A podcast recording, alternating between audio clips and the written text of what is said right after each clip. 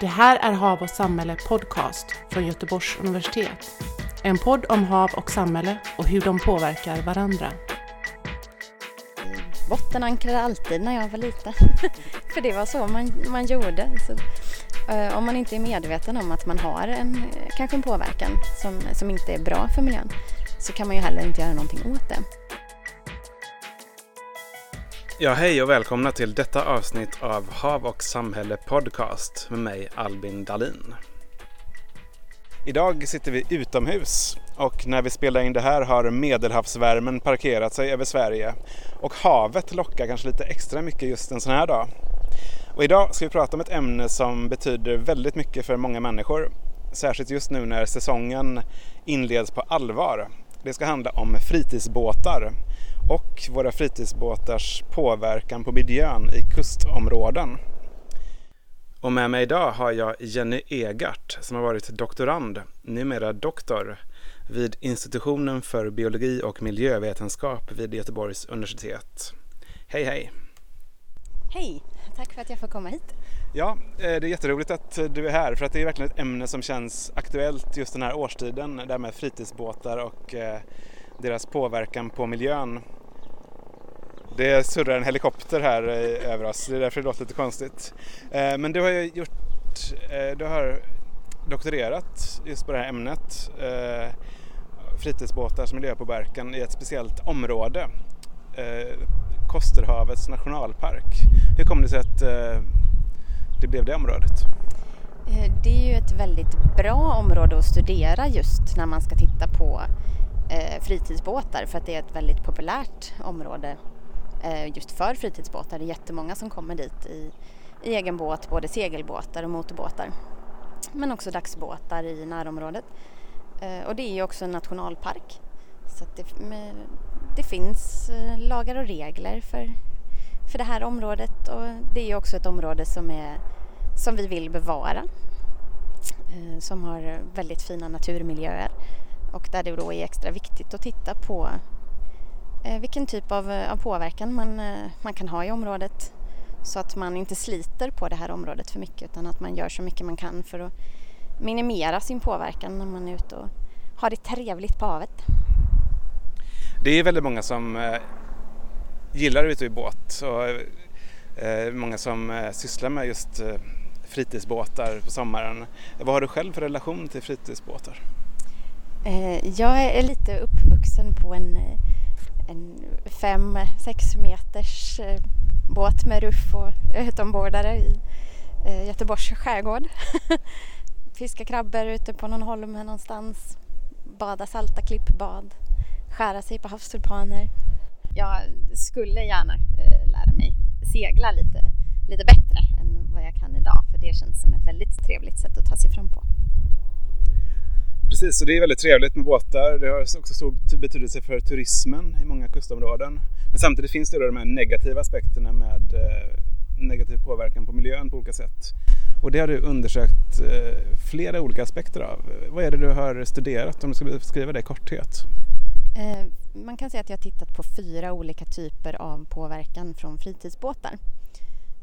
Dels så har jag tittat på ankring från fritidsbåtar eh, hur mycket det påverkar om man ser spår eh, från eh, ankare på bottnarna eh, i havet. Sen så har jag också provtagit sediment i naturhamnar, bland annat runt i Kosterskärgården och tittat på aktiva ämnen från båtbottenfärger, det som gör att de, är, att de, att de fungerar, båtbottenfärgerna. Dels gamla färger, TBT, tributyltenn som var väldigt populärt Eh, 60-70, i början på 80-talen. Eh, men också lite nyare eh, herbicider, utan växtgifter som man också har tillsatt till, till båtbottenfärger för att göra dem mer effektiva. Både de här växtgifterna då som är tillsatta plus TBT, de är inte tillåtna idag. Och så har jag också tittat på halter av det som är tillåtet idag, då främst koppar.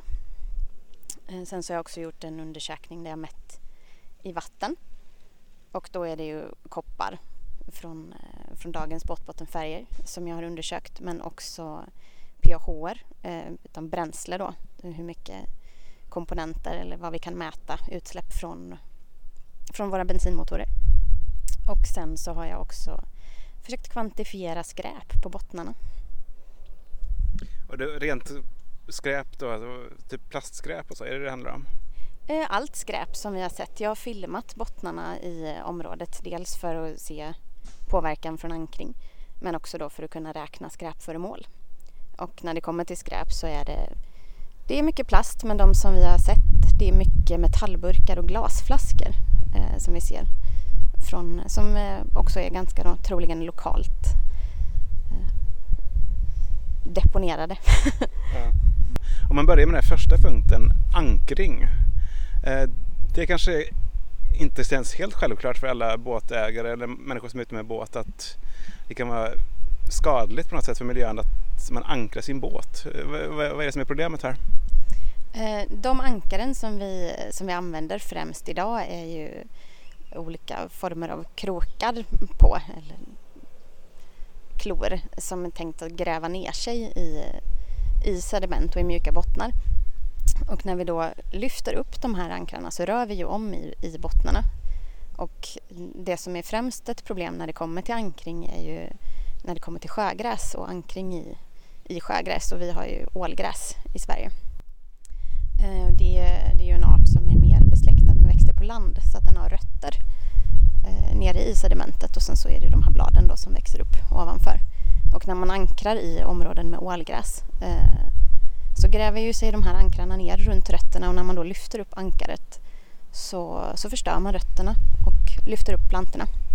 Och ålgräs är en väldigt viktig art. Eh, så det är, det är områden som vi inte alls vill, vill förstöra och det är också en skyddad art så att områden med ålgräs får heller inte minska i utbredning. Ålgräset har också betydelse för fiskarnas reproduktion och sådana saker, visst är det så? Ja, det är också viktiga uppväxtområden, till exempel för småtorsk bland annat. Så det, det, är oerhört viktiga områden. Dels, för, dels som uppväxtområden men också för att de skapar en, en, en livsmiljö för så många andra olika arter med sin struktur. Vad eh, visade de här resultaten eh, från undersökningarna som du gjorde just när det gäller ankring? Då? Eh, jag har ju både filmat bottnarna och räknat ankarspår men också räknat båtar då som ligger ankrade i de här områdena och det jag har sett är att det finns ett samband mellan eh, ankringsspår på bottnarna, på mjuka bottnar eh, och antalet ankrade båtar. Det jag inte har kunnat se är att jag ser de här ankringsspåren i täta ålgräsområden. Men eftersom det finns, jag ser de här ankringsspåren på, på bottnar utan, utan växtlighet för att det, det skymmer kameran så att det är väldigt svårt att se då när det är mycket växtlighet. Eh, så är det också ganska rimligt att tro att när det sker ankring i, i ålgräsområden och det finns många ankrade båtar i ålgräsområden så får man också den här typen av skador i ålgräset. Ett annat område du tar upp eh, handlar om det här med eh, antifouling och båtbottenfärger som vi varit inne på. Och det används ju för att hindra just påväxt på båtbottnar. Vad är det du har undersökt här? Eh, jag har tagit sedimentprover då, de översta eh, två centimetrarna av bottnar. Dels i naturhamnar men också områden där det inte ankrar båtar utan att det kör båtar och i två stycken småbåtshamnar i området. Och undersökt då dem eh, och tittat på hur höga halterna är då av till exempel TBT, det här gamla eh, giftet då som, man, eh, som var förbjudet eller varit förbjudet på fritidsbåtar sedan 89 i Sverige. Men också de här Eh, växtgifterna som är tillsatta. Eh, ett som heter till exempel Irgarol som har använts eh, som tillsats i kopparfärger men som inte är tillåtet idag heller. Eh, och också halter av koppar som är det vi använder idag. Vad har, vad har liksom resultaten visat där? Eh, det som är mest intressant och också kanske lite skrämmande är att jag hittar TBT på, i alla naturhamnarna jag har mätt. Och det här är ju ett ämne som ska ha varit förbjudet eh, för fritidsbåtar eller är förbjudet på fritidsbåtar eh, och har varit det väldigt länge. Så att jag hittar det i, i ytsedimenten i naturhamnar är ju absolut jättedåligt eftersom det inte får finnas kvar. Och varför jag tror också att det är ganska nyligen avsatt är för att Eh, jag inte har kunnat uppmäta så höga halter av nedbrytningsprodukterna, att TBT bryts ner till andra, till andra ämnen över tid. och jag har inte hittat så höga halter av de här nedbrytningsprodukterna att man kan tro att det är, att det är gammalt utan att det är, är troligen relativt nyligen avsatt. Det här låter ju ganska anmärkningsvärt om man säger så, alltså att det är liksom ämnen då som är förbjudna i dagens båtbottenfärger men som du ändå hittar i ganska ytliga sediment. Eh, ja, ja, men så är det och det, det är ju ett, ett stort problem. Eh, det skulle ju tyda på att, eh, att folk fortfarande använder eh, färg som är förbjuden. Eh, TBT kan också läcka genom gamla färglager eh, så att det är inte nödvändigt så att man är medveten om eh, att man tillför det här ämnet då. Eh, för det behöver inte vara nymålad färg utan att det kan läcka då genom gamla färglager. Men det finns nog också en del som dessvärre fortfarande använder sig av förbjuden färg. Ett annat område då är PAHR som det kallas. Det är alltså, om man ska förklara det väldigt enkelt så är det alltså utsläpp från eh, förbränningsmotorer, alltså giftiga ämnen från förbränningsmotorer. Eh, vad har du sett där? Eh, det jag mätte var i, i vattnet och PAHR är väldigt svårlösliga och de mätarna som jag har använt mäter bara den vattenlösliga delen. Så jag hittade väldigt låga halter av PAHR, vilket ju är jättebra eh, såklart. Eh, men i och med att de är så pass svårlösliga eh, i vatten och oftast kanske binder in till sedimentpartiklar och hamnar på, på bottnarna eller finns som oljedroppar så har jag inte kunnat mäta den totala halten eh, PAH men den vattenlösliga eh, delen är låg. Vad säger du om det resultatet? Alltså? Det hade ju såklart varit bra om, eh, om jag hade också mätt det här på, eh, på bottnarna för det är ju där som det troligen finns en högre halt. Så att jag kan ju inte uttala mig om, om det skulle vara ett problem, för det vet jag inte. Men jag vet också att det pågår andra studier där man mäter på pH, bland annat i musslor. Eh, som också är en... De, tar, de är ju en liten olycklig art där eftersom de tar upp både, som de filtrerar vatten så får de ju både den vattenlösliga och sånt som skulle kunna tänkas vara bundet till Eh, till andra partiklar eller finns som, som oljedroppar. Så att, eh, vi får se vad de, eh, vad de studierna säger framöver. Så vi får se hur pH-situationen ser ut som helhet där ute. Fjärde området, marint skräp. Eh, det är också någonting som det talas väldigt mycket om idag. Liksom eh, nedskräpningen och all plast som sköljs in över stränderna och så. Eh, men här handlar det mycket om kopplingen till fritidsbåtarna. Eh, ja, jag har ju räknat skräpföremål på, från mina filmer som jag har tagit i området men också tittat på andra filmer i, som har gjorts i andra studier i det här området med samma, samma metod som jag har använt.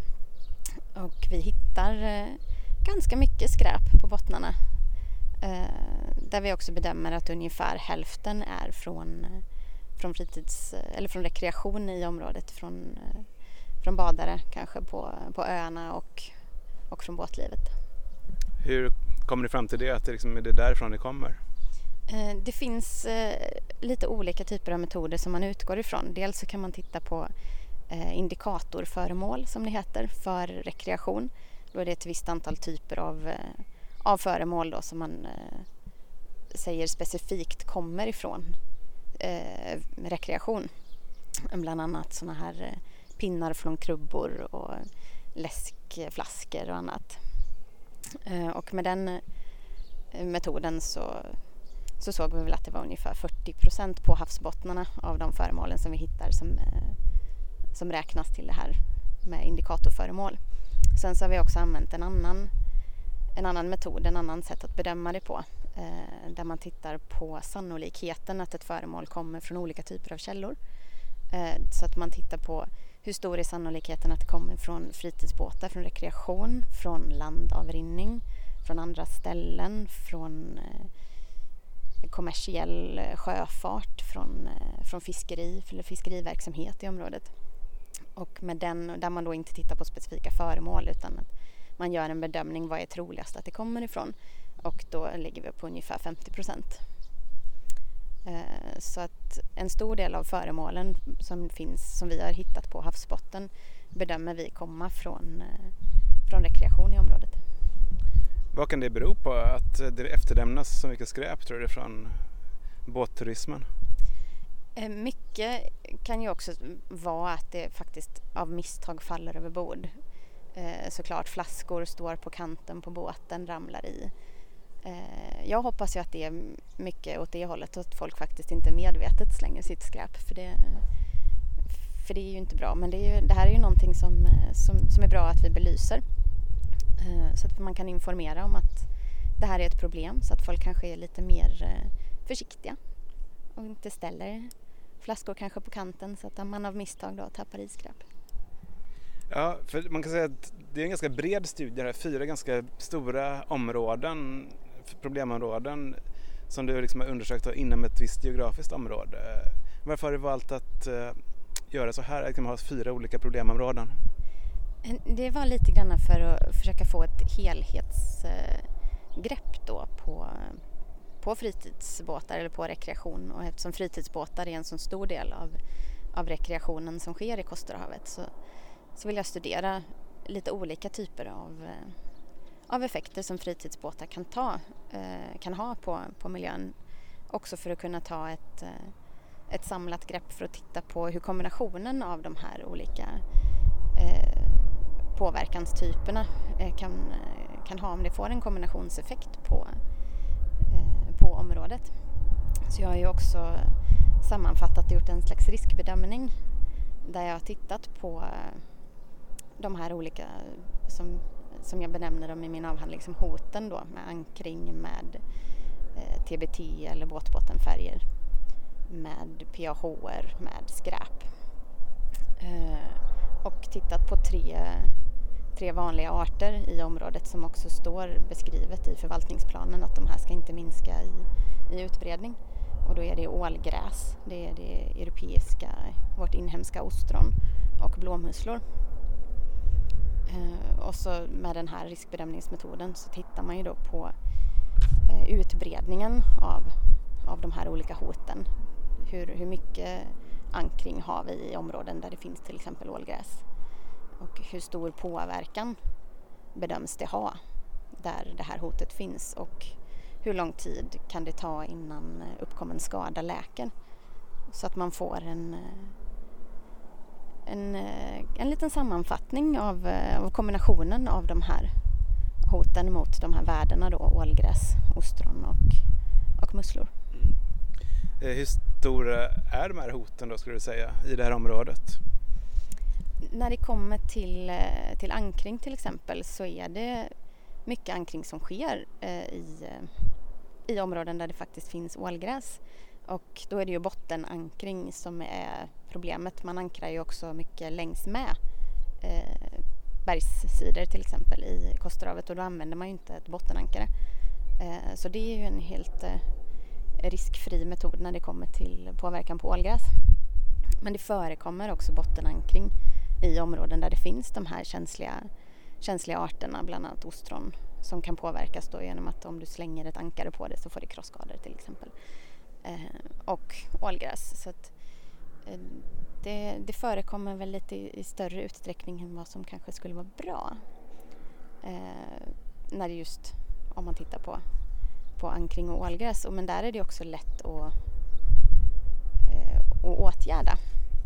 Eller relativt lätt att åtgärda. Man kan ju faktiskt låta bli att bottenankra i områden där, där man vet att det finns ålgräs. Man kan, om man måste slänga ett eh, ett bottenankare för, för att få bra fäste eh, så kan man ju se till så att man inte lägger det i en ålgräsäng. Men hur ska man veta det då? Att det finns, ja, det finns ålgräs eller inte? Eh, dels om det är klart vatten så kan du se det för ålgräs växer inte särskilt djupt. Men sen så kan man ju också fråga. jag tänker mig också att man eh, via, via förvaltningen, via Kosterhavet också kan, eh, kan peka ut särskilda områden där här finns det känsliga botten, eh, bottenorganismer med, så att man faktiskt kan välja att, att inte bottenankra just på de ställena utan lägga sig längs med eller välja en annan ankringsplats. Ja, du har ju en hel del sådana här konkreta rekommendationer eller förslag just till förvaltningen eh, om hur man ska göra för att minska miljöpåverkan i ett sånt här område. Vad är det för några förslag som du tycker är viktigast? Det är ju väldigt mycket information främst som jag tycker är viktigt. Information ut till, till allmänheten. För om man inte är medveten om vilken påverkan man har så kan man heller inte fatta beslut som gör att man minskar den påverkan. Eh, så det är ju mycket information. Jag har ju träffat jättemycket människor ute i skärgården när jag har varit där.